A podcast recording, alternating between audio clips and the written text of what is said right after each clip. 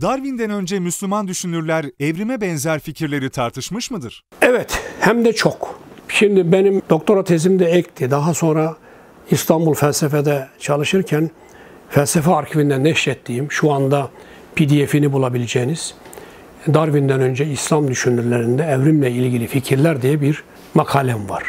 Aşağı yukarı 17 İslam filozofu, düşünürü, mutasavvufu bu konuyu çeşitli şekillerden, perspektiflerden ele almışlar. Mesela Nazzam'dan, Cahiz'den, İbn Sina'dan, Farabi'den, İbn Miskeveh'ten tutun da ta Erzurumlu İbrahim Hakkı'ya kadar birçok bilgin, Mevlana da dahil e, birçok bilgin evrimi bir şekilde almışlar. Biz bunu evrim diyoruz ama tabii onlar tekamül kelimesi olarak da telaffuz ediyorlar ve canlılar üzerine bir canlının başka bir canlıya dönüşmesi üzerinde de çalışmaları var. Ancak bu alimlerimizin, bu bilginlerimizi sadece düşünce dünyasında e, yapmışlar. Diyorlar, deneyleri, bazıları deney olarak yapmaya çalışmış ama tabiatta gözlemlere dayanmışlar. Ellerinde aletler, mikroskoplar, şunlar bunlar vesaire yok ki bütün detaylarını yine bilsinler. Ama bunların e, 12. 13. asırda Latince eserlerin tercümesiyle bu düşünce de batıya geçti. Batıya geçti. Mesela İbn Tufeil'in Haybin Yaksan'ında bu vardır. Keza Alman araştırıcı Dietrich'i İslam dünyasındaki evrimle ilgili fikirleri böyle eserleri bir arada topladı.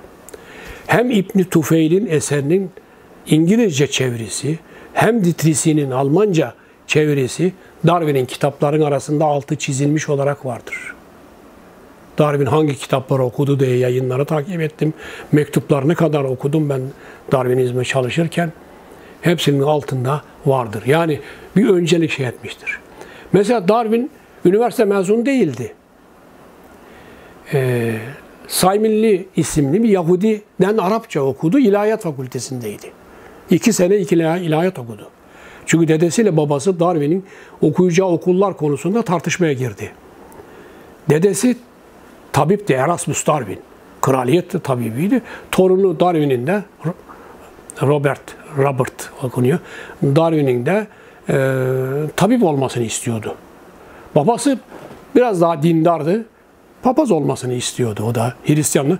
Onun için ilahiyata zorladı. Daha sonra Darwin tıpa geçti. Tıpta da yarıda bıraktı. İlahiyat da yarıda bıraktı. Darwin üniversite mezunu değil. Darwin bir naturalisttir aslında. Ve tabiat araştıran ama çok çalışkan, disiplinli bir adam. Ayrı konu. Evet, Allah'a inanıyor muydu? Allah'a inanmasında bir engel de yoktu. Çünkü Darwin öldüğü zaman e, tabi İngiliz kraliyet ailesi Darwin'in arkasındaydı. Ve Westminster Kilisesi'nin Newton'un yanına gömülmesini istedi kraliyet ailesi. Fakat kilisenin e, ki, ya Hristiyan cemaat, Antikan Kilisesi kuşattılar on binlerce kişi. Bu kafiri buraya gömdürmeyiz dediler. Gömdürmeyiz dediler. Fakat çok zeki bir kilise papazı vardı. Ferrari. Ferrara. O da çıktı bir cümle sözledi ve herkes açıldı. Ne söyledi biliyor musunuz? Eğer Darwin Allah'a inanıyorsa, her inanan mümin Hristiyan gibi onun da kilisede hakkı vardır. Eğer Darwin Allah'a inanmıyorsa onu kiliseye gömmek lazım. Çünkü inanmadığı Tanrı'ya kıyamete kadar onun evinde olmak ona o kadar büyük azaptır ki. Bunun üzerine Hristiyan halk açıldı ve Newton'un yanına gömdüler Darwin'i. Yani demek istediğim şu. Darwin daha yeni. Darwin daha 19. yüzyıl.